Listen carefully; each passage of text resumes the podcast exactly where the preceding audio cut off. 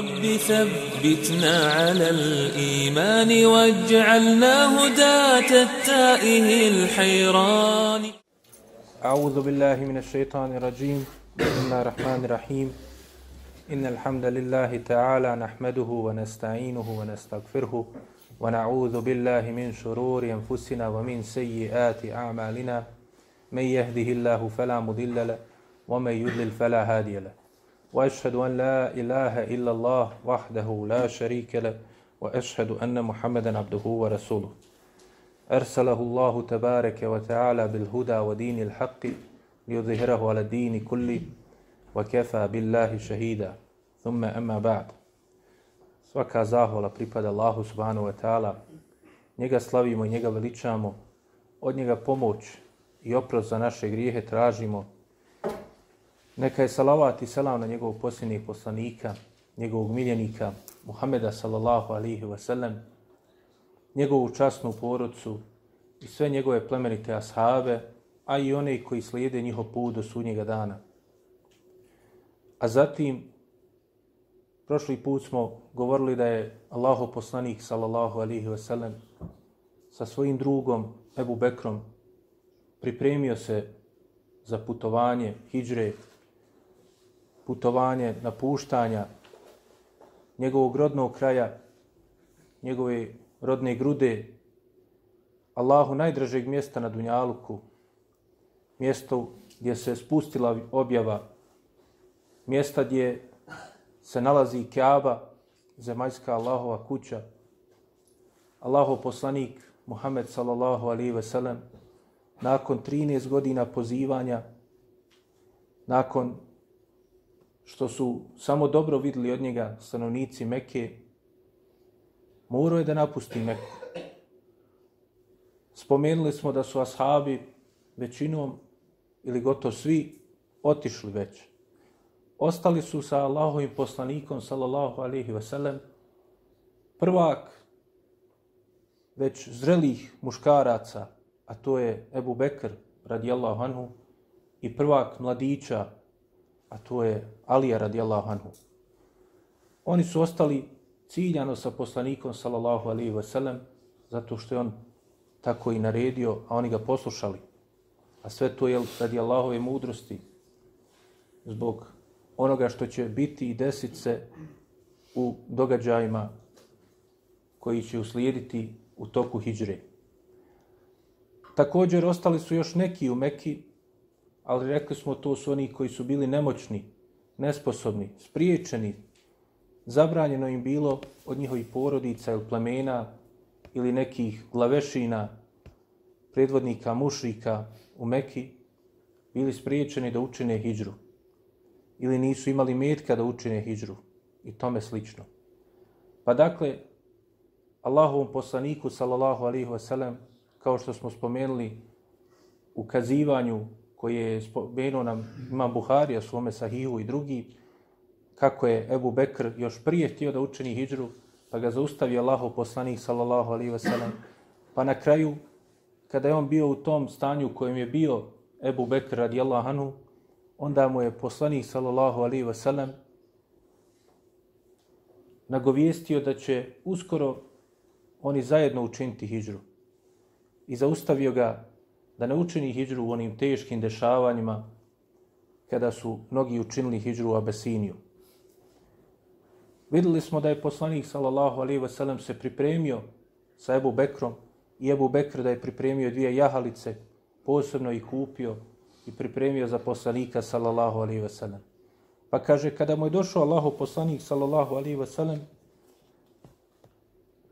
kao što nam prenosi to Ajša, kako smo rekli u hadisu, jel, pošto je, dakle, sve se to dešavalo u kući Ebu Bekra radijallahu anhu, u kojoj su bili ostali Esma, Ajša, koja je već postala supruga Allahov poslanika, sallallahu alaihi wasallam, i tako da je to već postala jel, jedna od njegovih kuća, njegove porodice, njegovi tazbini, Ebu Bekra i njegove porodice.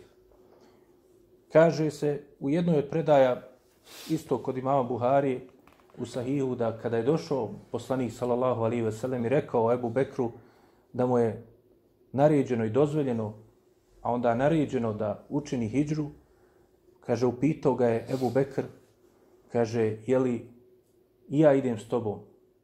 U drugoj predaji, također kod Buharije došla je, kaže, Allahu poslaniće, jel kaže, suhbe, jel da ja budem tvoj saputnik, tvoj drug?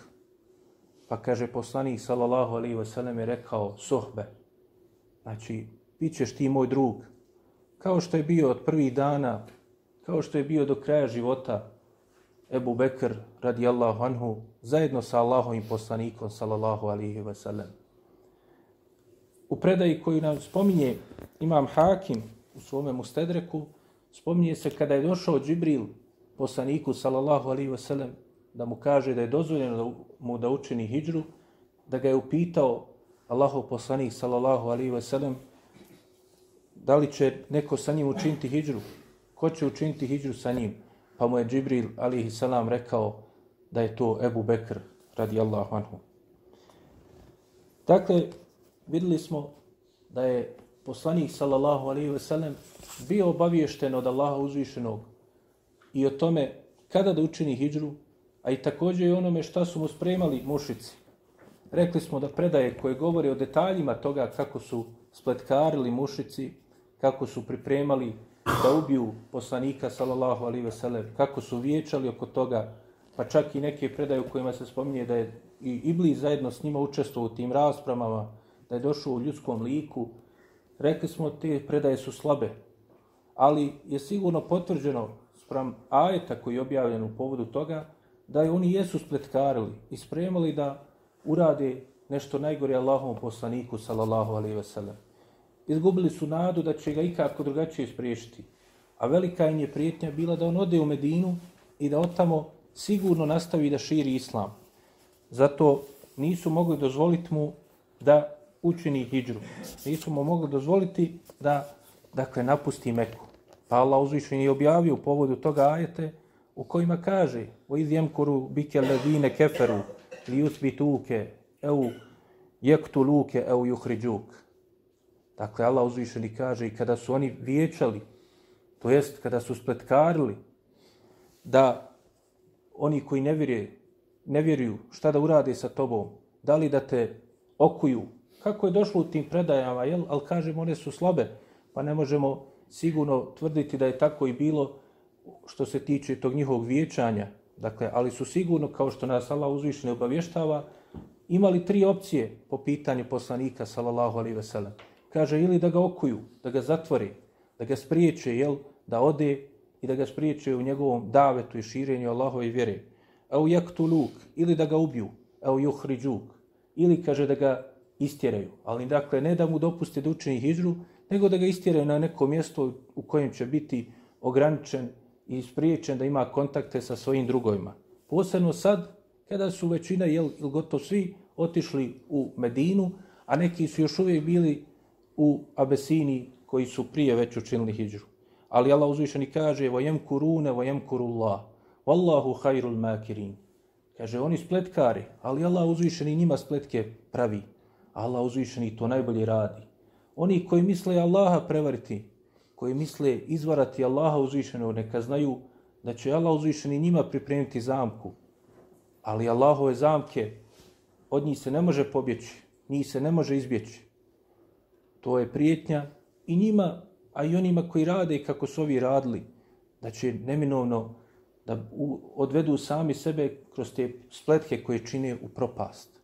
Zato Allah uzvišeni jel, iako dakle, nije se desilo to da i nemamo jasnih predaja koji nam govori kako se odvijalo to što su oni radili i kako je poslanik sallallahu alaihi ve sellem obaviješten, ali dakle, kao što vidimo iz ove predaje da je došao Džibril ali, alihi salam Allahom poslaniku i nagovijestio mu da će sa Ebu Bekrom učiniti hijđru i da je prenio mu dozvolu od Allaha, sigurno je mu je prenio i ono što su mu spletkarili, dakle mušici. Kada mu je jel, i došao Džibril i sa ovim ajetima na kraju u kojima ga obavještava o Allahove objavi, a i onome šta je povod toga ajeta, zašto se to, jel, i zašto je ovaj ajet Allah uzvišen i objavio Allahovom poslaniku, sallallahu alihi wasallam.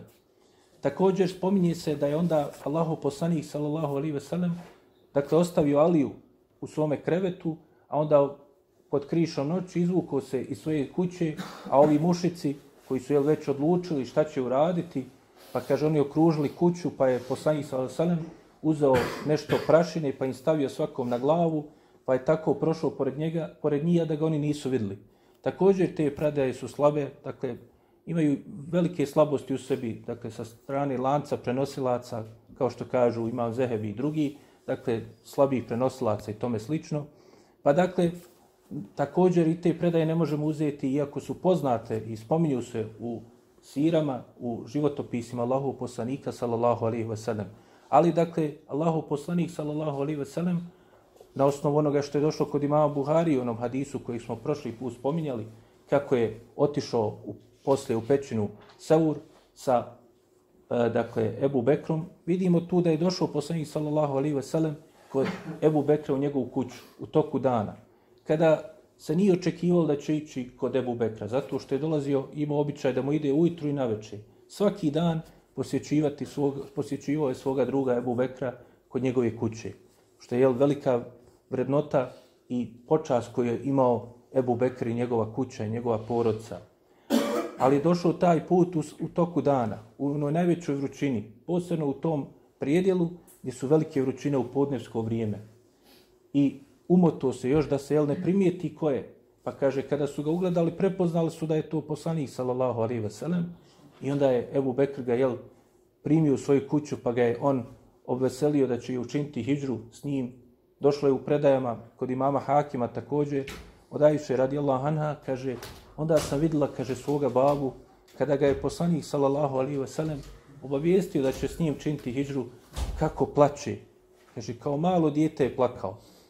Kaže, dotad nisam znala, pošto ona jel, bila mala, još uvijek, dakle, o, dakle, nije e, imala puno ni godina, dakle, nisam, kaže, dotada znala da neko može iz sreće, iz radosti da plače, kao što je vidjela svoga babu Ebu Bekra, koliko mu je drago bilo što će učiniti hijđru sa Allahovim poslanikom, sallallahu alaihi veselem. Ostaviti svoju porodcu, dakle oni ostaju kući, riskirati svoj život. Čak, kako smo spomenuli, ponio je savi metak koji imao sa sobom. Pet ili šest hiljada dirhema, ništa nije ostavio. Njegov babo Ebu Kuhafe, kako smo spomenuli, došao je Esmik, čerke Ebu Bekrovoj, Dakle, sav ljud, zašto je to uradio, znajući kako će postupiti Ebu Bekr, koliko mu je stalo do Allahovog poslanika, sallallahu alaihi ve sellem. Pa ga je ona umirila sa onom varkom, jel, što mu je dala da do, opipa, po, dakle, kesu koju, u kojoj inače Ebu Bekr držao novac, stavivši u njih, u njega, u, u, tu, posud, u tu kesu kamenje, a Ebu Kuhafe je bio već slijep, pa kaže, on je opipao svojim rukama tu kesu i pomislio da u njoj ima novca pa se tako smirio. Dakle, Ebu Bekr je bio sve to spreman žrtvovati za Allahov poslanika, sallallahu alihi wasallam.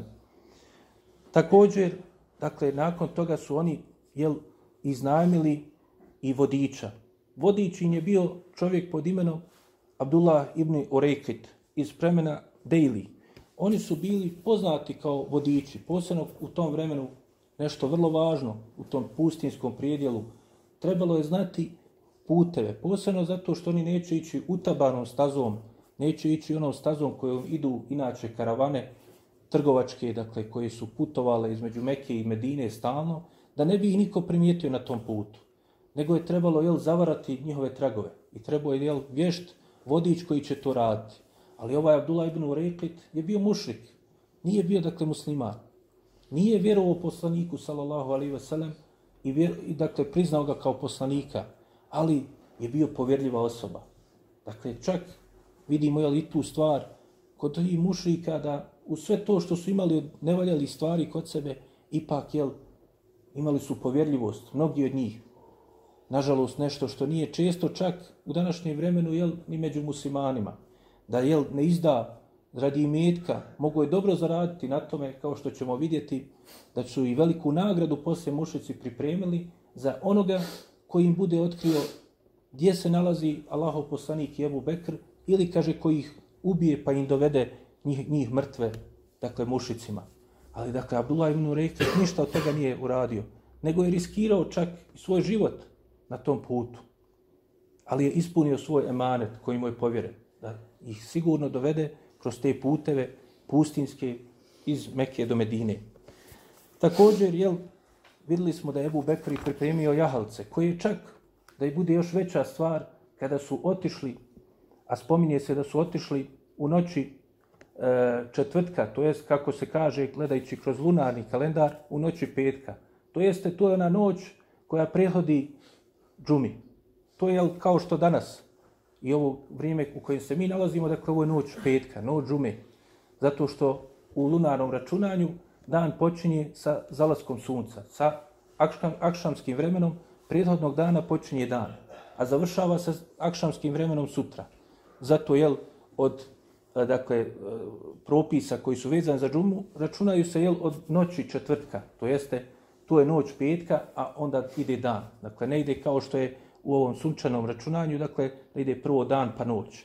I oni su dakle noći petka, to je četvrtak na večer, otišli, dakle, iz toga vidimo da je Allah najbolje zna poslanik sallallahu alejhi ve sellem dakle otišao iz svoje kuće u toku dana i onda je bio kod Ebu Bekra u njegovoj kući pa kaže oni su krišom u tu večer otišli iz kuće i to na stražni izlaz dakle bio neki mali izlaz izvukli se dakle da iz, nisu izašli na prava vrata kuće da ne bi neko primijetio kad izlaze predali su te jahalice koje je pripremio Ebu Bekr ovom Abdullahu ibn Ureklitu. Znači, toliko su imali povjerenje u njega da su mu čak dali te jahalice. A oni su otišli, dakle, prema, nisu krenuli prema sjeveru kako bi trebali, zato što je Meka južno od Medine. Znači, Medina dođe sjeverno od Mekke. Dakle, trebali su da idu prema gore. A oni su krenuli prema Jemenu, prema jugu. I otišli su i sakrili se u pećinu Seur, koja je u blizini Mekke se nalazi. Tu su proveli tri noći. Spominje se dakle da je polazak poslanika sallallahu alejhi ve sellem dakle ta noć džume da je to bio 27. dan mjeseca Sefera to jest drugog mjeseca hidžretskog 14. godine po poslanstvu to jest kasnije što će biti poznato kao prva godina po hidžri tu su kaže proveli tri noći nakon toga su nakon toga su jel e, onda ukrenuli u ponedeljak, u toku dana, dakle, krenuli su na Hidžru. Krenuli su na put Hidžre, zajedno sa Abdullahom ibn Urejkitom i Amirom ibn Fuheirom. Spomenuli smo da je Amir ibn Fuheire jedan od ashaba radijallahu anhum, koji su bili robovi koji je Ebu Bekr radijallahu anhu oslobodio i koji je čuo stado ovaca koji je pripadalo Ebu Bekru. Pa kaže, kako je Ebu Bekr jel, i poslanik sallallahu alaihi ve sellem, kako su mudro i pametno postupili, da su Ebu Bekr je angažovao Amra ibn Fuheru da svaku večer, te tri noći, dakle, noć petka, pa noć subote i noć nedelje, dakle, tri dana, tri noći, dakle, da svaku večer, kada noć nastupi, dođe sa stadom ovaca u blizini tih, dakle, pećine u kojoj se nalazio poslanik sallallahu alaihi ve sellem sa Ebu Bekrom i da onda oni se napajaju jel, iz tog stada, da, dakle, muzu te ovce i da se hrane sa njihovim mlijekom. A također, sin Ebu Bekra, Abdullah, sin Ebu Bekra, dakle, koji je bio već mladić u to vrijeme, tijete, da kažemo, on je, kaže, dolazio i spavao s njima svaku večer. A ujutru bi krenuo, dakle, prije izlaska sunca, krenuo bi nazad u Meku. Pa, kaže, išao je za njim Amir ibn Fuhere sa svojim stadom ovaca, pa su, jel, te ovce prekrivale te tragove koje je ostavljao Abdullah ibn Abi Bekr. A onda bi on u toku dana, jel, dakle, ujutru bi se vratio pri izlaska sunca, pa niko ne bi znao da nije spavao u svojoj kući. A onda bi, kaže, kroz Meku hodao i slušao šta mušici pripremaju, kakve planove kuju protiv poslanika, sallallahu alaihi ve sellem, i njegovog babe. I onda svaku večer bi se vraćao i obavještavao ih o tome. I tako je svake tri noći. Esma radijallahu anha, druga čirka, jel, pored Ajše, koja je također ostala uh, u kući Ebu Bekra, kaže, od nje se pre, ona je dakle spremala hranu.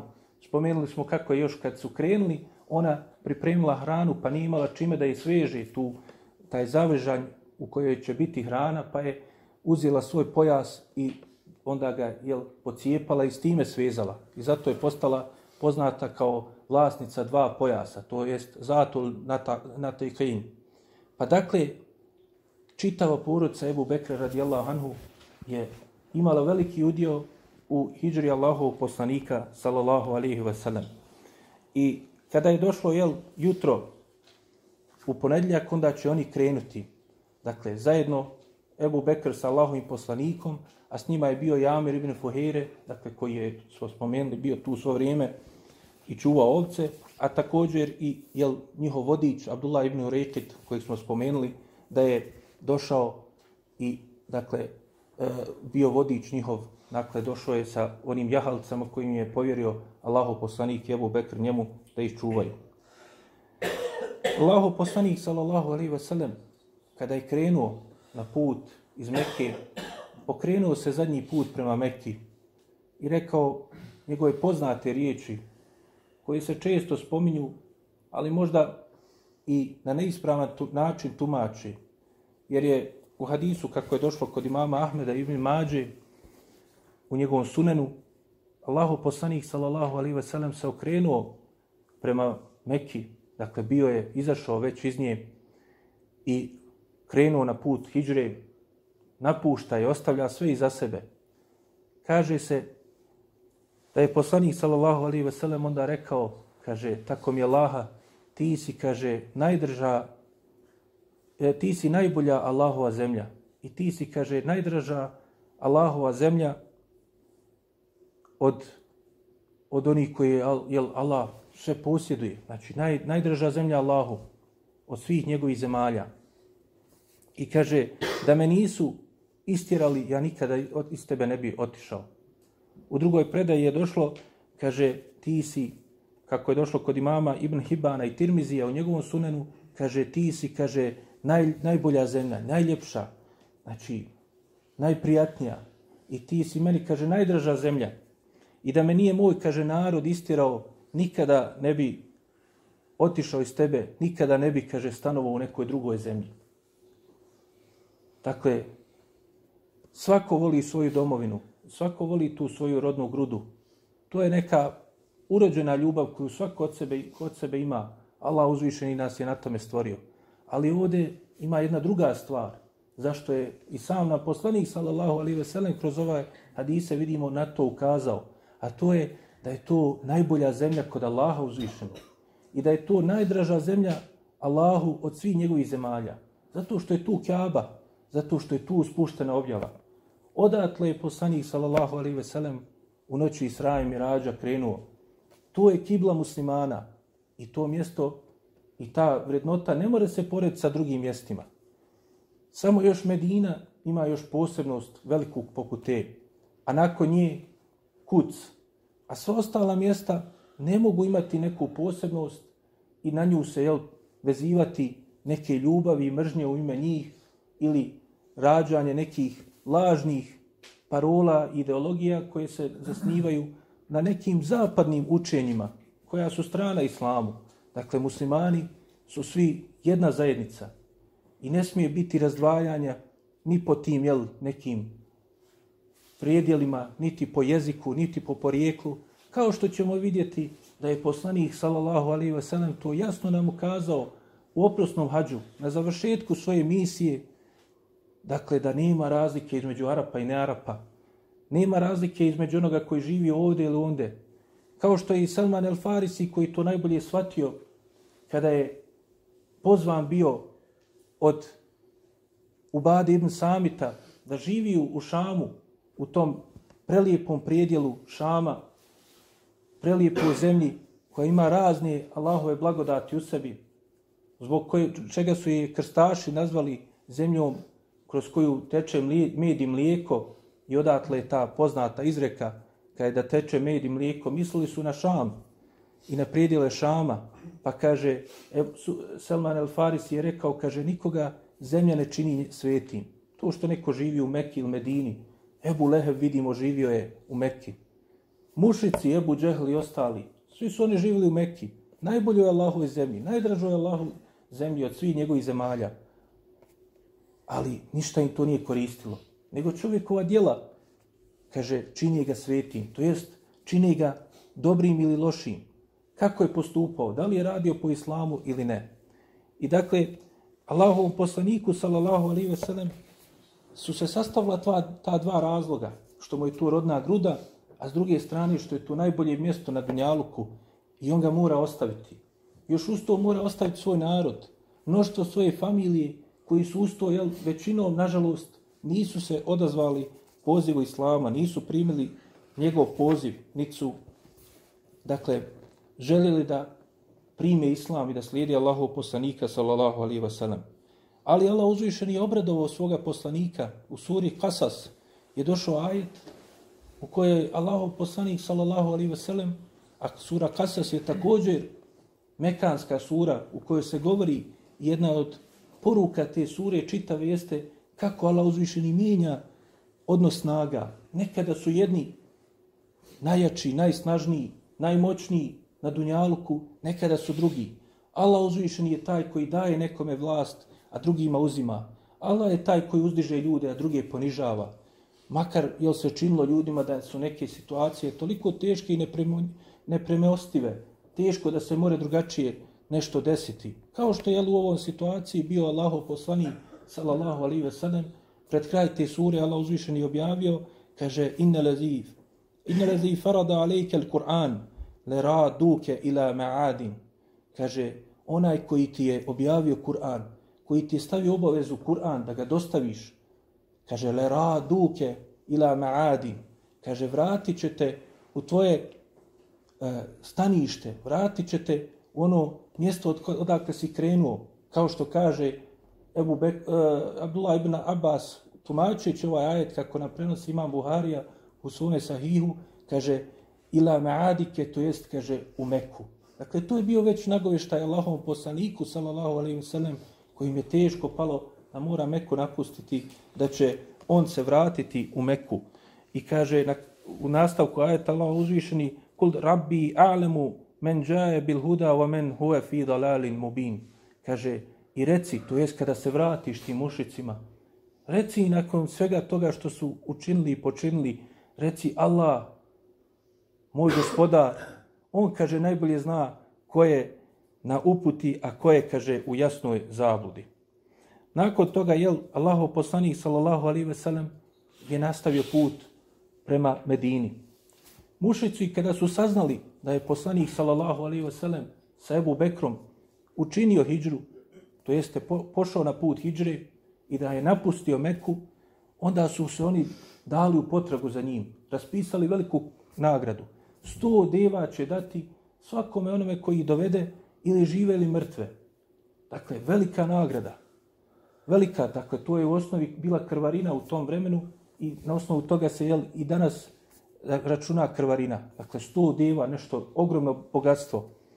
Najskuplja moguća roba u tom vremenu.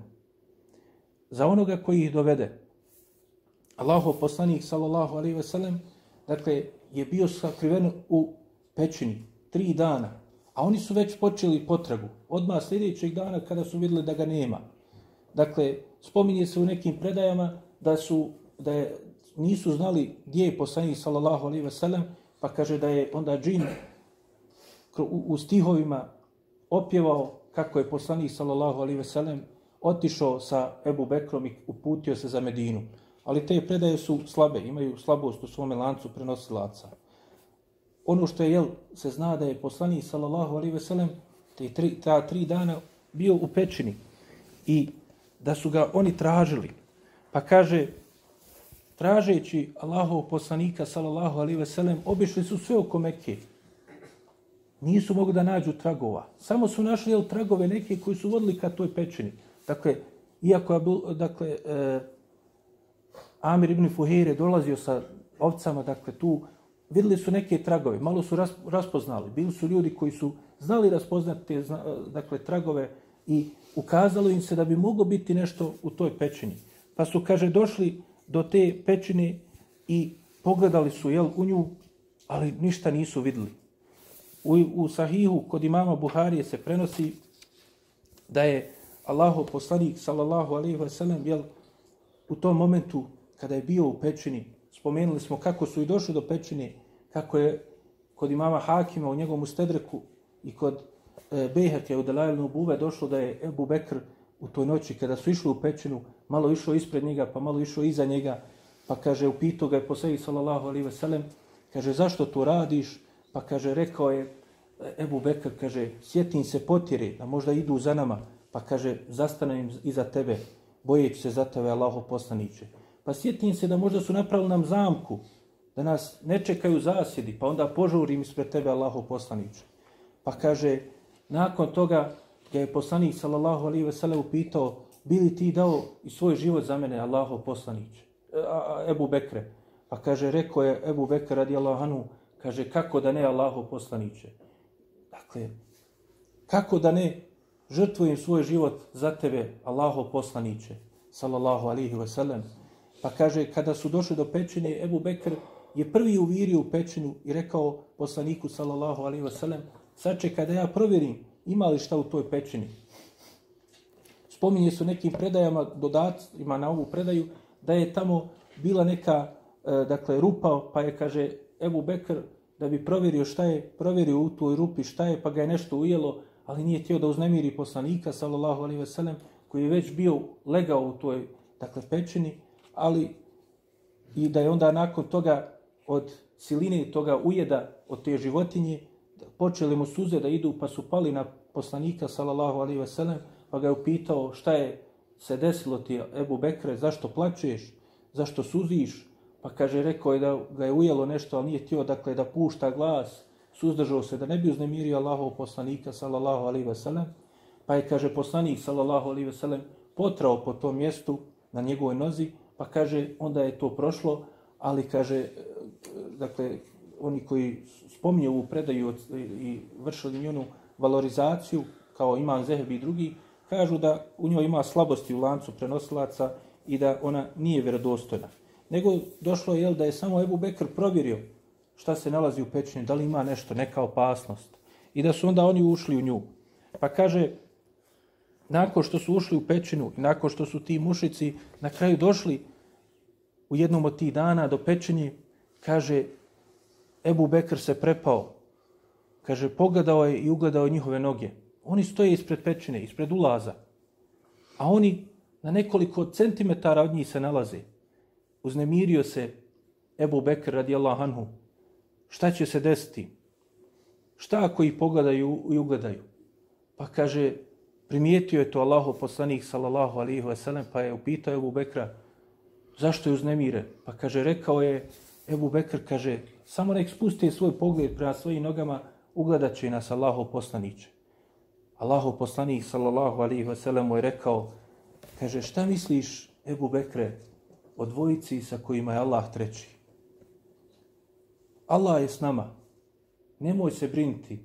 Allah je s nama sa svojom pomoći, sa svojim podrškom, sa svojom zaštitom. Ne mogu nam oni naštetiti ako Allah uzvišeni to nije odredio drugačije da se desi. Pa kaže, onda je, kaže, smirio se Ebu Bekr i ušao u njegovo srce smiraj. To je pokazatelj, jel, i kakav treba da bude vjernik. Dakle, uzo je sve uzroke Allahu poslanik, sallallahu alaihi ve sellem, jebu Bekr. Ali nisu se oslonili na te uzroke. Čak su jel doveli da ovaj sa ovcama zaštiti tragove. Abdullah, sin Ebu Bekrov, dolazio im je sa vijestima. Krenuli se tri dana, krenuli su u osnovi i pećina se nalazila u osnovi na putu prema Jemenu, prema jugu. Ali opet su ovi došli do njih. Ali na te uzroke koji su preduzeli, koji treba preduzeti, osnovi Allahu poslanih, sallallahu alaihi ve sellem, se najviše pouzda u Allaha subhanahu wa ta'ala.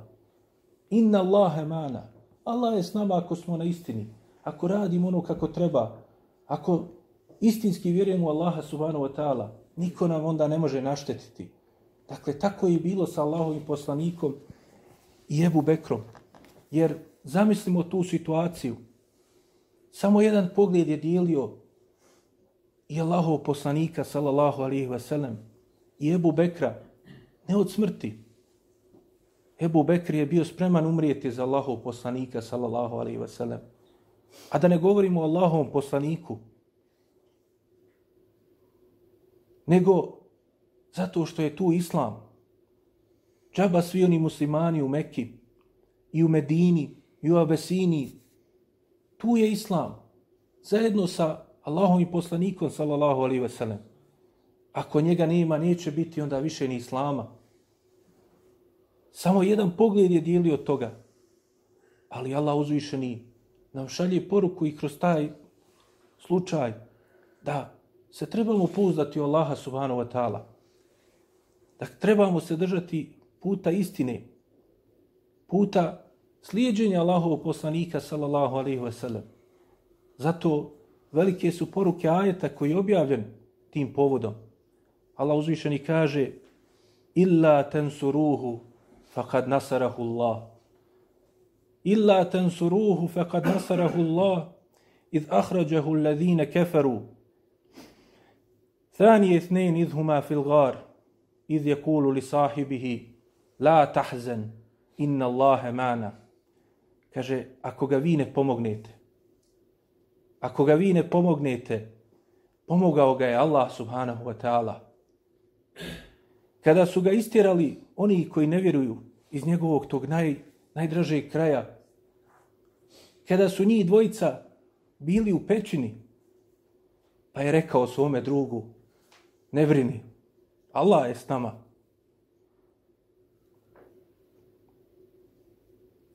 Pa kaže dalje Allah uzvišeni, وَأَنْزَلَ وَأَنْزَلَ اللَّهُ سَكِينَتَهُ عَلَيْهِ وَأَيَّدَهُ بِجُنُودٍ لَمْ تَرَوْهَا وَجَعَلَ كَلِمَةُ الَّذِينَ كَفَرُوا سُفْلَا وَكَلِمَةُ اللَّهِ هِيَ الْأُلْيَا Wallahu azizun hakim.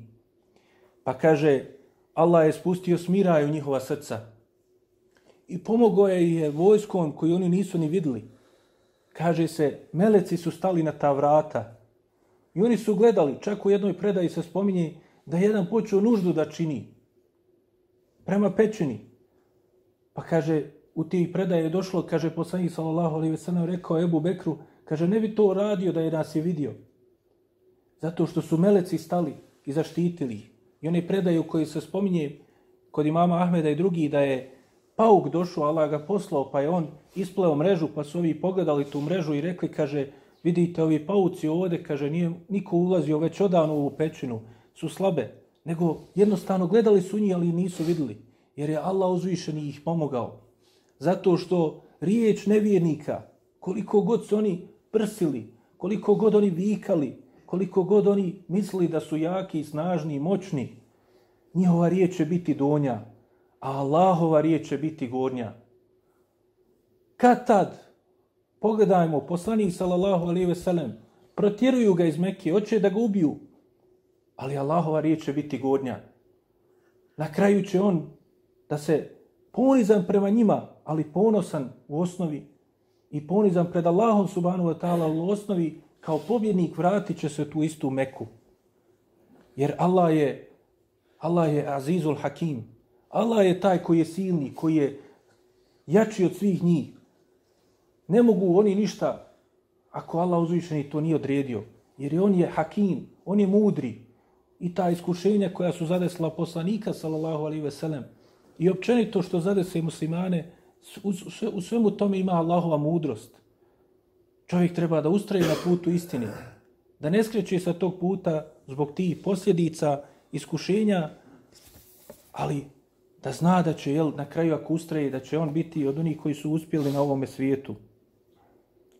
Dakle, to je bio jedan od muđiza koje su zadesila Allahov poslanika, sallallahu alaihi wa na ovome putu, hijdre.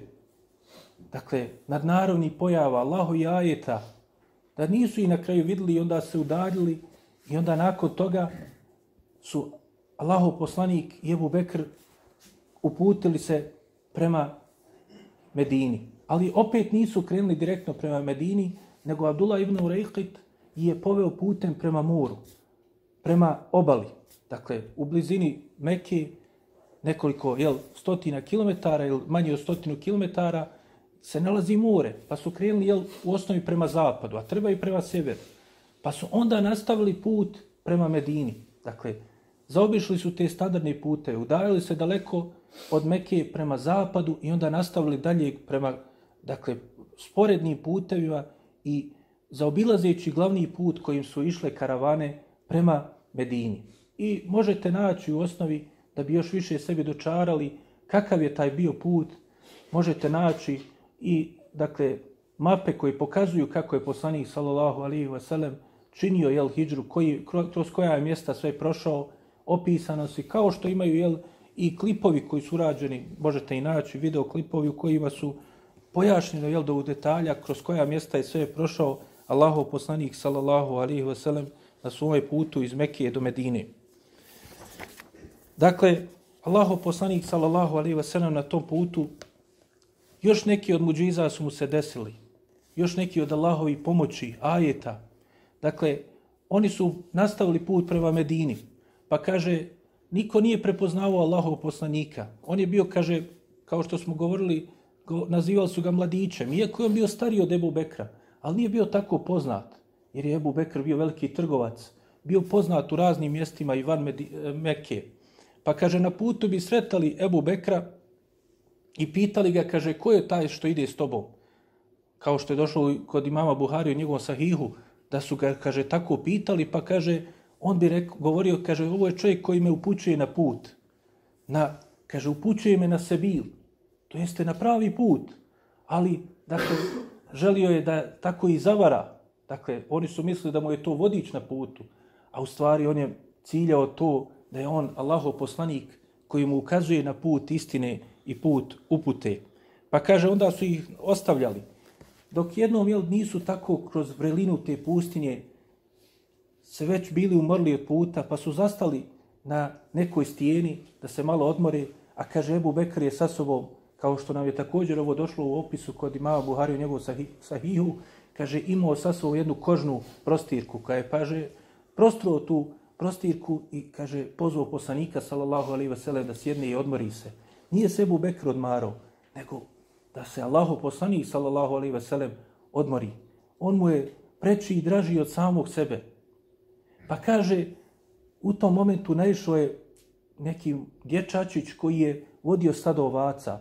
Pa kaže i on je tio tu da se malo odmori. Pa ga je upitao Ebu Bekr da li kaže ima mlijeka u tim svojim ovcama Pa kaže, ovaj rekao da ima, tražio dozvol od njega da naspije u jednu posudu malu koju imao sa sobom za sipanje.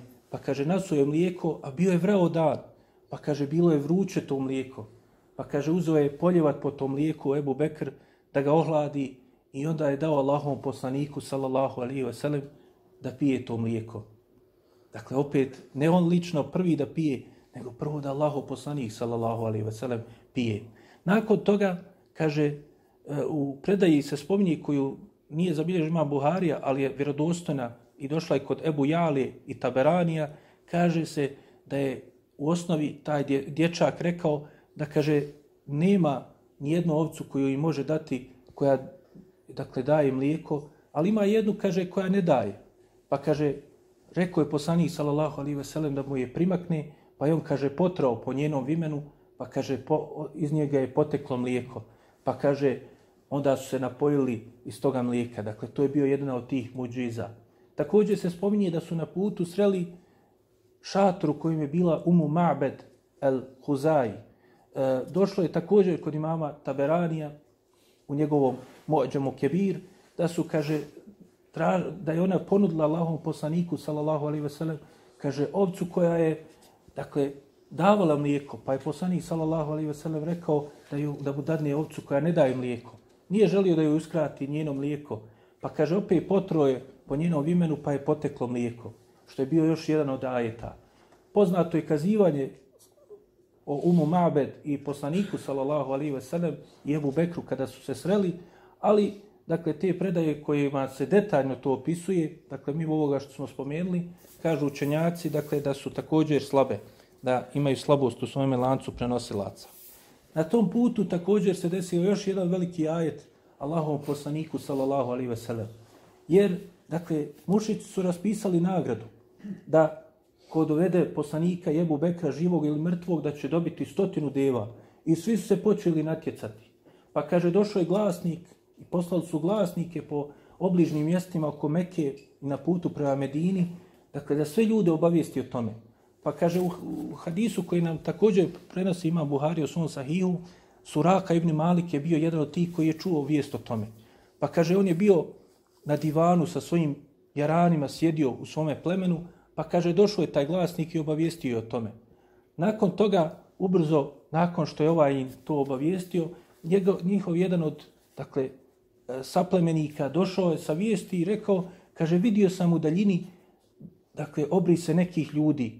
Kaže, mogli bi to biti Muhammed i njegov, njegov drug. Pa kaže, Suraka ibn Malik je rekao, kaže, nisu to oni, kaže, to su druga dvojica, taj, taj, taj, taj, koji su nedavno otišli, kaže, nisu to oni, nemoj džaba ići i tražiti i gledati jesu li to Allahov poslanik, to jest jel Muhammed sallallahu alaihi ve sellem i Ebu Bekr. A u stvari, kaže, kaže Suraka ibn Malik, ja sam znao da su to oni, pa kaže, malo sam sačekao, da bi, dakle, ne, ne bi bio sumnjiv, nisam odmah krenuo, nego sam, kaže, sačekao malo vremena i onda sam napustio taj divan, napustio to sjelo i otišao u svoje kući. Rekao sam svojoj robinji da pripremim jahalicu, najbržu koju sam imao. A bio je vrlo sposoban tragaoc i, i onaj koji je znao prepoznati te tragove. Znao je, snalazio se vrlo dobro u tim pustinjama. Bio jako sposoban. Pa kaže, požurio sam da ih sustignem. Ali kaže, kada sam krenuo, odma mi se spotakla moj konj i zbacila me sa, zbacio me sa sebe. Pa kaže, ja sam izvukao strelice koje sam imao o, i nosio sa sobom i kaže, uzeo sam da onda da gatam, da vidim šta da uradim. Jer to je bilo od tih jel, mušičkih predislamskih običaja, koje nažalost jel, možemo naći veliku sličnost mnogim stvarima koje se slično radi u našem vremenu. Pa kaže, imali su tri strelice. Na jednoj bi napisali, kada bi neki posao htjeli da uradi, napisali bi uradi taj posao, if'al. Ili na drugoj bi napisali kao je la tef'al, nemoj uraditi. A na trećoj ne bi ništa. Pa bi onda stavili to u određenu, jel, E, e, dakle, u e, neku kesicu i onda bi izvlačili, pa bi, jel, što izvuku, tako bi na osnovu toga gatali da li da urade nešto ili ne urade. Pa kaže, on je, kaže, rekao, izvukao sam ono što mi nije bilo drago. Znači, to jeste izvuko je da strelicu na kojoj je pisalo nemoj tu rat, ali on je se suprostavio. Velika nagrada, veliki metak. Tad već, jel, nema potrebe za gatanje. Tad onda mora se i suprotno postupiti ako nije u moju korist, onda nećemo se držati, jel ti suje vjeri. Pa tako i on, dakle, odlučio da nastavi. I kaže, velikim galopom se uputio prema njima. Pa kaže, približio sam se Allahom poslaniku Jebu Bekru, a kaže, Allahovog poslanika, sallallahu alaihi ve sellem, se prepoznao po učenju Kur'ana, znao i čuo je da, je, dakle, da je mu se silazi objava. A vidio je, kaže, Ebu Bekra koji je išao iza njega i stalno se okretao lijevo i desno. U drugom hadisu kod imama Buharije se spominje čak dakle da je Ebu Bekr čuo zvuk dakle njegovog, njegovog konja i da je upozorio poslanika sallallahu alaihi ve sellem, ali poslanik sallallahu alaihi ve sellem se nije okretao, nije se uošte nimalo pobojao. Pa kaže, rekao je Ebu Bekru radijallahu anhu, kaže da se ne boji. Dakle, nemoj, kaže, se plašiti, jer Allah uzvišeni će nas zaštiti. Čak se došlo u jednoj od tih predaja da je Ebu Bekr zaplakao od straha šta će uraditi suraka koji nađe. Pa kaže Allahu poslanik sallallahu alaihi ve sellem samo je proučio dovu Allahu makfinahu bima šit. Allahu kaže spasi nas onako kako ti hoćeš od njega. I tako je bilo. Pa kaže ova je suraka počela je njegova dakle jahalca, njegov konj počeo da propada kao u živi pjesak u zemlju. Dakle, sve dok nije čitave mu noge, dok do, nisu propale u zemlju. Zajedno sa njim. Pa kaže, u jednom od tih hadisa, svi su jel kod imama Buharije, kaže, došlo je, dakle, da je on se uspio izvući. Nakon nekog vremena, pa se digla, kaže, velika prašina, kada se izvuko njegov konj iz te zemlje, pa kaže, onda sam uzeo ponovo da gata one strelce, šta da uradim? Pa je, kaže, ponovo bilo ono što ja nisam volio. To je, ponovo mu izašla ona strelica, nemoj da radiš. Pa je, kaže, pokušao ponovo da nastavi, pa kaže, ponovo je počela da propada. I onda je Suraka prepoznao da to nešto ima, ima nešto veće, ima nešto veličanstvenije u svemu tome što je vezano za Allahov poslanika, sallallahu alaihi wa sallam. Pa je počeo dozivati. Pa kaže, rekao je Allahov poslaniku, sallallahu alaihi wa sallam, kaže, spasi me, pomozi mi, ja ti ne želim nikako zlo. Obavijestit ću te onome šta ti spremaju mušici. Pa je poslanik, sallallahu alaihi wa sallam, proučio dovu i on je izašao, jel, izvukao se iz te dakle, zemlje sa svojom jahalicom. Pa kaže, onda je, kaže, rekao poslaniku, sallallahu alaihi wasallam, da mušici žele da ga ubiju, da su poslali ljude da ih love, kaže, ja ću ti pomoći čak u tome. Ponudio mu je čak i metak, ponudio mu je e, ono što imao od hrane i pića, da oni uzmu od njega. Ali Allahu poslanik, sallallahu alaihi ve sellem, nije to želio. Rekao je, kaže, samo sakri našove, naše tragove. Pomozi nam na taj način. Pa kaže, Suraka je, dakle, već je bio primio islam, već je povjerovao Allahov poslaniku, sallallahu alaihi ve sellem, kaže, onda je on još bio ve, još ve, velika pomoć Allahovom poslaniku zato što je on bio poznat tragaoc. Pa kada bi sreo neku od tih izvidnica koji su tražili Allahov poslanika i Ebu Bekra, onda bi ih on usmjeravao na krive puteve. Sprečavao da idu putem koji je istinski put kojim je prošao Allahov poslanik sallallahu alaihi ve sellem, a oni bi mu povjerovali zato što je bio poznat tragaoc. Pa rekao bi, ja znam da nisu oni tamo, ja sam ih tražio, nisu u tom putu na, i na toj strani i onda bi se oni uputili pogrešnim putevima. Također po pitanju Surake je poznata predaja u kojoj je došlo da je Suraka ibn Malik jel, tražio e, garanciju.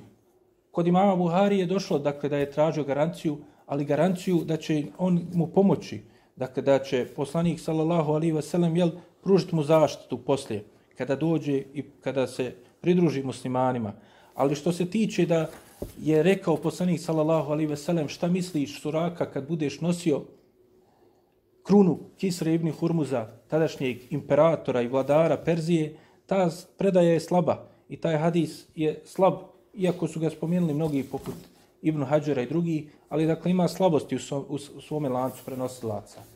Ali ono što je vjerodostojno jeste da doista u hilafetu Omera radijallahu anhu došlo je sve to bogatstvo, došla je i ta kruna, Pa kaže se, spominje da je, e, kada je došlo blago i dovučeno od vladara Perzije, od Kisre ibn Hurmuza, hiljade godina koje je skupljano, i zlata i srebra, razni dragulja, kaže, predložili su Omeru radijela Anu da to stavi u Betul Mal, u zajedničku kasu. Ali Omer je radijela Anu se bojao te odgovornosti za to, nego je rekao, ne, nećemo se razići dok ovo ne podijelimo sve. I kaže, u mešćidu Allahu poslanika, sallallahu alaihi ve sellem, su sav taj imetak dovukli. Pa kaže, od te crvenila, to je zlata kojeg su ugledali, i bijelila, to je srebra kojeg su ugledali, kaže, nisu mogli jel, da, da, da, da skrenu svoje poglede, koliko je toga bilo. Pa kaže, onda je počeo Omer radijallahu anhu da plače. Pa su pitali Omera radijallahu anhu, zašto plačeš? Kaže, ovo je velika, velika, veliki dan, dan za koji treba zahvaljivati, na koji treba veličati Allaha, i radovat se šta nam je sve dao. Pa kaže, rekao je Omer radijallahu anhu, kaže, kaže Omer radijallahu anhu, kaže, ne, ovo nije dan u kojem se treba radovati. Zato što oni nisu, nisu iako govori da jesu, ali nisu oni žudli za ovim dunjalukom, natjecali se i išli u ta naj, najopasnija mjesta protiv najopasnijih vojski da bi se dokopali njihovi blaga, nego zato što su želi dostaviti istinu, pozvati ih u islam. Pa kaže, doista, kaže, ovo nije dato nijednom narodu, ovo blago, a da to nije izazvalo među njima neprijateljstvo i suparništvo. I zbog toga je Omer radijelo Anhu zaplakao, kako nam prenosi Imam Begavi u svome šerhu sunne. Dakle, nakon još jednog od ajeta Allahovog poslanika sallallahu alaihi wa sallam na ovome putu, oni su nastavili put prema Medini, tako da su, kao što je došlo također u vjerodostojnim predajama, na kraju u danu ponedeljka došlo, došlo u Medinu. Kod imama, e, dakle, e, Buharije također u Sahihu se spominje da je poslanik sallallahu alaihi ve sellem dakle, sljedeću sedmicu, sedam dana kasnije, ili da kažemo osmi dan od polaska na Hidžru, ili ukupno 11. dan od polaska ako računamo one tri dana koja je bio u pećini, dakle poslanik sallallahu alaihi ve sellem će stići u Medinu. Spominje se da je na putu i pred samu Medinu da je sreo karavanu koja je išla iz Šama, a u njoj je bio Talha ibn Ubejdullah, ashab Allahov poslanika sallallahu alaihi ve sellem u kod imama Buhari je došlo da je to bio Zubeir, a kod drugi je došlo da je bio Talha. Pa kaže se da je poslanik sallallahu alejhi ve sellem onda i Ebu Bekr da su dobili neku odjeću koju su kupili. Dakle, Allah najbolje zna da su bili zajedno i Talha i Zubir, koji su bili nerazdvojni, sve dok nisu i kao šehidi preselili radijallahu anhum. Dakle, da su oni dali odjeću koju su kupili, neku lijepu odjeću i Ebu Bekru i Omeru, i Ebu Bekru i Allahom poslaniku, koji su nakon tog jel puta već bili, dakle, potrošili onu odjeću u kojoj su bili, kroz taj teški put koji su prošli. A oni su se vratili sa karavanom da završe svoj posao u Mekki, pa će zajedno jel, sa Zubeirom, a Zubeir je oženio čirku, također Ebu Bekra, Esmu i njegov sin Abdullah ibn Zubeir će biti prvi koji će se roditi u, u Kuba, u Medini. Dakle, on se vratio dakle, da dovede i porodicu Ebu Bekrovu i oni će zajedno jel, doći onda poslije i učiniti hijđru nakon poslanika, sallallahu alaihi veselem, u Medinu. Spomnije se kod dolaska da kada su došli Ebu Bekri sa Allahovim poslanikom u Medinu, da su stanovnici Medine, Ansari, iščekivali svakoga dana kada će doći. Bojali se šta se desilo. A kaže, jedan jevrij, zainteresovalo ga je to što se dešavalo. Pa kaže, on se popeo na svoju kulu. A oni su, dakle, imali svoje kule, gdje god se nalazili, oni su se posebno jel, utvrđivali, čuvali, bojali se drugih.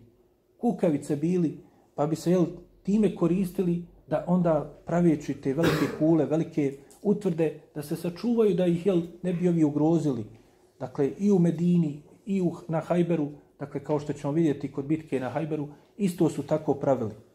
Pa su oni se, kaže, jel, imali te kule i onda su imali veliku preglednost terena da vide kada će i neko prići ili doći. I jedan jevrej je tako, gledajući, posmatrajući šta rade Ensarije, kako iščekuje Allahov poslanika, sallallahu alaihi ve sellem, kaže, ugledao je u daljini, dakle u tom vrelom danu, nešto blješta, neko blještavilo. Zato što je okolo, kao što smo spominjali, ali bilo je to crno kamenje, stijene, stijene koje su crne. Pa kaže, ugledao je neko blještavilo i rekao, eno ih, kaže, eno onoga koga čekate, eno vaše pomoći i zaštite. Progovorili su riječi istine iz jevreja. I onda su poletili ashabi da dočekaju Allahovog poslanika, sallallahu alaihi wa sallam. Ovdje ćemo inšala zastati, na kraju ćemo reći dakle, da je poslanik sallallahu alaihi ve sellem, kao što smo rekli, krenuo dakle, i napustio svoju kuću u noći petka, dakle u četvrtak na večer. I da je to bio, kao što smo rekli, 27. dan mjeseca Sefera, 14. godine po poslanstvu, to je prve godine po Hidžri, kako će kasnije početi računanje.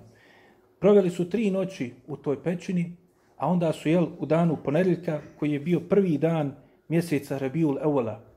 Onda su jel u tom istom mjesecu u kojem se mi nalazimo jel učinili i krenuli na put Hidžre.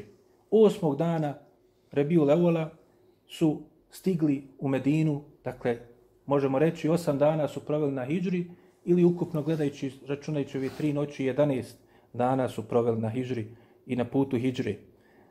Dan kada su došli po računanju jel, ovom, e, dakle, po rođenju Isa alaih salam, jeste, kako spominju istoričari, poklapa se sa 23. septembrom 622. godine po rođenju Isa alaih salam.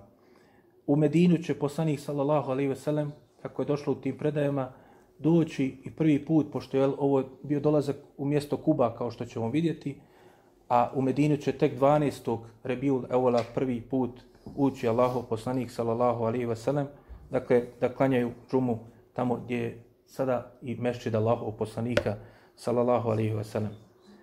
Inšala, sljedeći put ćemo govoriti o još nekim porukama, a mnoštvo je poruka iz ovog događaja hijđri Allahov poslanika sallallahu alaihi wasallam, pa ćemo onda vidjeti kako je poslanik sallallahu alaihi sellem dočekan u Medini od svojih ashaba i ensarija i muhađira. Molim Allaha subhanahu wa ta'ala da nam poveća ljubav prema Allahovom poslaniku, sallallahu alaihi ve sellem, da nas učini od njegovih istinskih sljedbenika. Molim ga, subhanahu wa ta'ala, da nam oprosti naše grijehe i da nam se smiluje. Molim ga, subhanahu wa ta'ala, svi njegovim lijepim imenima i uzvišenim svojstvima, da pomogne muslimane na svakome mjestu, posebno onima potlačenim od njih, onima koji su na velikim iskušenjima. Molim ga subhanahu wa ta'ala da sve muslimane vrate njihovoj vjeri na najbolji način. Amin. Subhanike Allahume ve bihamdike. Ešhedu en la ilaha illa ente stakfiruke ve tubu ilik.